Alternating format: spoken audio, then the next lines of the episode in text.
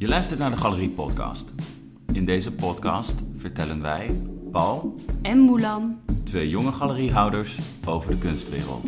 We bevestigen of ontkrachten vooroordelen Leggen je uit wat een artist proof is en geven antwoord op vraagstukken zoals: is het nu galerij, galerie of gallery?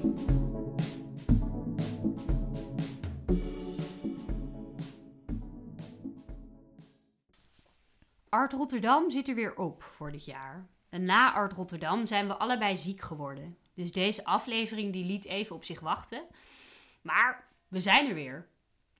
En nu vraag ik me af, hoe was de eerste kunstbeurs van Paul? Ja, de helft van de luisteraars dacht dat wij gewoon op vakantie waren gegaan, omdat het zo goed was eh, gegaan. Maar we lagen gewoon allebei ziek op bed. Eh, de dagen daarna. Art Rotterdam was onze eerste kunstbeurs ooit. Eh, ik zal de luisteraars in vogelvlucht door de highlights van deze rollercoaster van extase en zenuwen meenemen. Take it away. Take it away. Oh, waarom herhaal ik dat altijd? Daar moet ik echt mee stoppen. Oké. Maandag was een relatief relaxte dag. Eh, een dag waarop alle voorbereidingen van de kunstbeurs gedaan werden. Zoals we hebben het eh, gereedschap klaargelegd. De kunstwerken hadden we vast ingeladen en vastgezet. En daarna was het vooral tijd voor het mentale voorbereiden. Dus dat betekent dat je gewoon moet zorgen dat je alle prijzingen en de beschrijvingen van de kunstwerken uit je hoofd weet. En yoga. En yoga en een goede nachtrust. En daarna op dinsdag een goede kop koffie. Want wij stonden vervolgens weer om 9 uur in de vanillenfabriek in Art Rotterdam. Eh, klaar om eh, onze booths te gaan eh, opbouwen. En het opgangen ging heel erg goed. Totdat we bij de hele grote werken aankwamen. Deze hadden namelijk nog het oude ophangsysteem. ehm, waar we gewoon eigenlijk de speellat van het werk gebruikten. En dat ging vorige keer heel goed. Dus ik denk, nou, daar krijgen we vast geen problemen mee. Maar dat was dus wel zo, want het ging voor geen meter. Nou, gelukkig kwam jij eh, toen net to the rescue met het ingenieuze idee om gewoon een ijzerdraadje ehm, voor te gebruiken tussen de balken. En dat is ook wel even een note to self. Altijd ijzerdraad en oogjes in gereedschapskist houden. En ehm, natuurlijk kan het rusten pas beginnen nadat alles op zondagavond weer ingeladen was. Voor de afbouw had ik namelijk de auto van mijn vader geleend. eh, om de laatste werken mee te nemen. En toen we bezig waren, kwam ik er nog op het laatste moment achter dat ik 5 centimeter bij het grootste werk tekort kwam. Dus, Mulan to the rescue. maar echt hoor, ik in lichte paniek jou bellen. En ik was heel blij dat jij nog een plekje had in eh, die wagen. Eind goed, al goed. Het was ondanks dat wel echt super leuk om te doen. En heel veel visitekaartjes uitgedeeld. En veel visitekaartjes gekregen. Dat ook zeker. Voornamelijk van kunstenaars eh, die op mij afkwamen. Om te vragen of wij eh open staan voor exposities met hen. Zag ik eerlijk gezegd niet aankomen. Omdat ik er niet van uitga dat iemand dat op dat moment zou doen. Eh, weet je, dat is nou, namelijk niet echt de, de plek of de tijd ervoor. Tja. En waarom is dat eigenlijk niet de tijd en de plek ervoor? Dat moet je ze dan wel uitleggen. Ja, kijk, mijn enthousiasme kan ik natuurlijk altijd waarderen. Jij natuurlijk ook. Eh, maar vooral voor de kunstenaars die ik toevallig dan in de booth heb. En ehm, de kunstenaars die ik daar laat zien, die zijn zelf al niet eens aanwezig. Maar daar heb ik al wel mijn handen natuurlijk al vol mee. Lieve kunstenaars, deze aflevering is dus speciaal voor jullie. We zullen alle do's en don'ts voor het benaderen van een galerie vertellen. En er zijn dus ongeschreven regels waar je rekening mee moet houden in het contact met galeriehouders. Voordat je besluit om langs te komen, kijk eerst wat bij je past.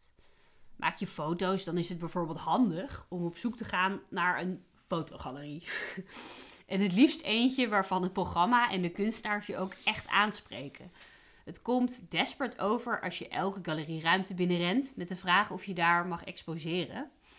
Ehm, en bovendien is het ook niet zo netjes ten opzichte van de galeriehouder. Wij doen meer dan expositieruimte of museumpje spelen. Ga op voorverkenning.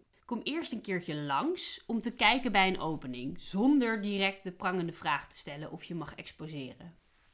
Vraag je tijdens die opening dan ook af: vind ik het programma tof? Pas ik hier tussen en waarom?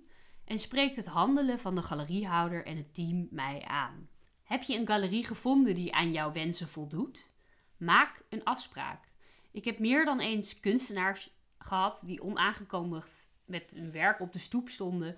Als galerie zijn er openingsuren en dan mag je ons best bezoeken, maar dat betekent niet dat we geen andere dingen aan het doen zijn en alles uit onze handen laten vallen zodra je binnenkomt. Zonder afspraak heb je niet altijd de prioriteit. Het maken van een afspraak en dus het schrijven van een goede mail is iets waarvoor je moet gaan zitten. Schrijf niet een mail waar 100 galeries in de CC staan. Ook wij willen ons speciaal voelen.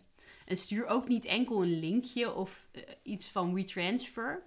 Want we willen niet worden gespoefd of gefisht. Dus daar gaan we niet op klikken. Paul, heb jij dat al gehad? Gewoon een link zonder enige context? Uh, ja, heel kort en bondig zijn die mails dan ook vaak. en wat jij ook zegt, inderdaad, niet alleen met mij er dan soms in. Dat vind ik ook een beetje jammer. Um, ja, dat zijn inderdaad niet echt de voorbeeld. Maar ook je buren dan, of zo? Alle jonge galeries Ja, dan denk ik inderdaad. Oh, wat leuk. Er zit nog een andere galerie in die ik ook ken. Ik heb jou, jou ben ik nog niet tegengekomen in de CC's. Dus we zitten nog niet in dezelfde sferen, blijkbaar. Maar dat ongetwijfeld gaat nog wel een keertje komen. Nee, hoef ik hem ook niet naar jou te voorwoorden, want daar zit je nog ook bij. um, maar nee, dat heb ik dus al wel, wel een keer gehad. Maar, maar, wat je ook zegt, inderdaad, ik ben een beetje uh, huiverig om op links van mensen te klikken die ik niet ken. Dat, daar staan net te veel belangrijke dingen voor op mijn computer. Dus dat, um, nee, gebeurt eigenlijk niet. Over mailen gesproken, hier volgt een samenstelling van zinnen die je als kunstenaar beter niet kan versturen. Afkomstig uit mijn inbox. Dus echt gebeurd. Dear gallerist, curator, hiring manager, Mulan Gallery, Go Moulin Gallery people, dear gallery team, dear everyone, dear all. To whom it may concern. I hope this email finds you well. We talked on Instagram. I would like to take this opportunity to propose to you the idea of hosting an exhibition together with Go Mulan Gallery. I believe that your gallery offers a great space that resonates with my practice. And I want to ask you to take a look at my portfolio. And I want to know from you, please, do you have any opportunity for a new artist? Find my portfolio attached. If you are not interested in a collaboration, you do not have to react on this email. P.S. I'm sorry for not having a personal website. Sassy. Sassy, klein beetje wel. maar hoe doe je dit dan wel? Nadat je een paar keer bij een opening van een galerie bent geweest en het hopelijk klikt met de galeriehouder, kan je best um, deze persoon een keer aanschieten uh, met de vraag: De exposities hier spreken me uh, heel erg aan. Vind je het oké als ik jou een keer mijn portfolio en cv stuur? Of leg het balletje bij de galeriehouder. Als jonge kunstenaar kan je zeggen: Ik vind het lastig om contact te leggen met galeristen. Hoe zou jij het fijn vinden om benaderd te worden? Daarmee denk ik flatter je de galeriehouder ook een beetje en zijn ze meer verplicht om ook je advies daarover te geven. Maar Mulan, jij hebt vast ook wel een paar goede mails ontvangen, toch? Zeker. En dan nu dus ook een voorbeeld uit mijn inbox van een goed mailtje. It was nice meeting you at the Kunsthal during Art Rotterdam. Ja, dit is slim om te benoemen. Hij zegt dus meteen: Ik heb je ontmoet op Art Rotterdam of bij de Kunsthal tijdens Art Rotterdam. Um, en dat is handig om te benoemen, want galeriehouders zien soms heel veel mensen op een dag. En aan het einde van de avond weten wij het ook niet meer, dan zijn we gaar. I just found your business card and thought of saying hi. Also nice visiting your booth at the fair. I am looking forward to visiting your gallery too sometime soon. Are there new exhibitions coming up? Ja, hiermee toont hij interesse in de galerie en de komende exposities. Daarnaast stelt hij een vraag die ik wel moet beantwoorden. Dus hij krijgt sowieso reactie. I am forwarding you my portfolio in the attachment, so you can see what I do as well. Hope you like it, and I would love to hear what you think. My contact details are in the signature below. All the best. En wat kan je dan nog meer doen? Uh, je, uh, gewoon een hele voor de hand liggende tip. Zorg voor hele goede zichtbaarheid een goede website en een sterke Instagram. Ik vind het bijvoorbeeld uh, heel fijn om mijn kunstenaars te scouten via Instagram, omdat het een medium is waar je heel gericht kan zoeken. Ehm, je kan het organiseren van een open studio.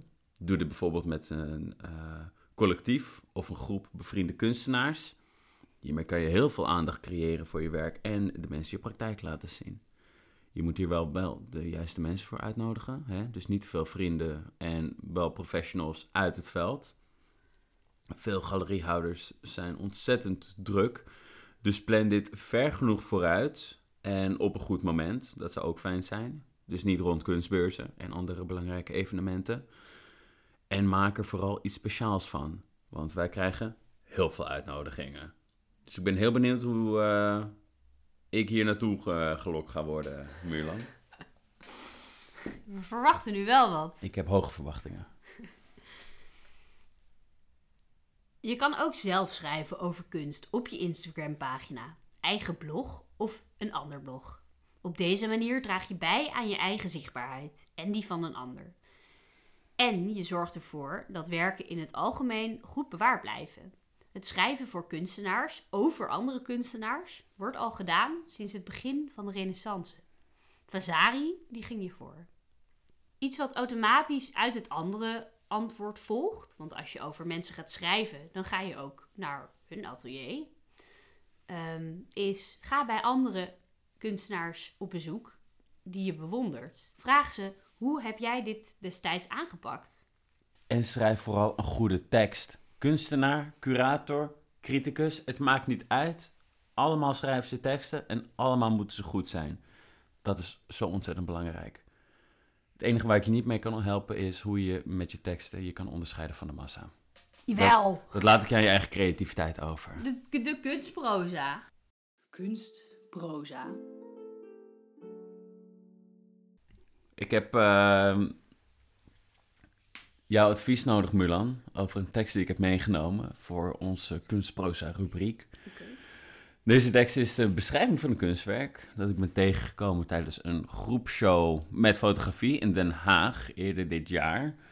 Uh, ik zal er niet te veel over vertellen, want dan kan je er namelijk lekker bleu instappen. En daarna wil ik natuurlijk wel heel graag horen, is dit kunstproza met een hoofdletter K of niet? Ik ga de tekst voorlezen. Pijlen met zuignap op zijn kale hoofd schieten was een vast avondritueel tijdens eindeloze zomervakanties met opa op de camping. Toen geluk heel simpel was en naakte kinderen nog heel onschuldig. Aldo, voormalig ordonnans te paard in het Italiaans leger, was dol op Indianenverhalen. En Fellini. Eveneens vaste prik, bezoek aan ezeltje Non, dat plomp verloren in een Rotterdamse woonwijk stond. God knows why. Wat vind je hiervan? Um, ik vind het meer het begin van een roman dan proza. Het is heel anekdotisch. Uh, en dat is niet erg, alleen ik vraag me wel af wat voor beeld hoort hierbij. En is dit dan terug te zien in de foto? Want als je een tentoonstellingstekst schrijft, dan wil je wel dat het een soort wil je dat van erin meenemen? correspondeert nee. met, het, met het beeld wat je hebt. Absoluut. Dus als jij maar even bijpakt, dan Absoluut. ga ik het even beschrijven. Zal ik eventjes hier aan jou laten zien, want dan weet je ook waar het over gaat. En voor de luisteraars uh, die uh, deze ook benieuwd zijn naar het werk. Ik zal deze ook nog even op de Instagram zetten van ons, Galerie Podcast. En dan kun je ook even kijken welk werk hier nou gepaard mee gaat met deze tekst. Bedoeld wordt. Exact. Ja, ik zie een, uh, een, een zwart-wit foto voor me met een, ja, een naakt vrouwenlichaam. En daarop, ze heeft geen hoofd. Um, daarop is een, het hoofd van een ezel geplakt. En ze zit voor een kaptafel met een kaarsje erop en met foto's en bloemen. Uh, en elementen uit de tekst, zoals die ezel, een avondritueel, maar goed, dat dit... En een, een heel letterlijk avondritueel. Ja, en een pijl en boog heeft ze vast. Ja. Dus dat, dat komt allemaal terug, maar dan de volwassen versie daarvan. Het is een beetje een assemblage van de tekst, maar ik vind het niet zo goed corresponderen met het idee wat hier wordt geschetst van een jeugdherinnering. Want dit ziet er vrij volwassen uit. En niet zo heel onschuldig als het naakt en is. En ook niet zo onschuldig, nee, inderdaad. Dus um, ja, creatief is het in ieder geval. Alleen God knows why. leuk. Dankjewel, Mulan. En uh, mochten jullie nou prangende vragen op of aanmerkingen hebben, schroom je dan niet en mail deze naar info@gallerypodcast.nl en dan proberen wij deze zo goed mogelijk te beantwoorden of misschien wel mee te nemen in de volgende aflevering. Dit was de Galerie Podcast. Dankjewel voor het luisteren. En tot de volgende.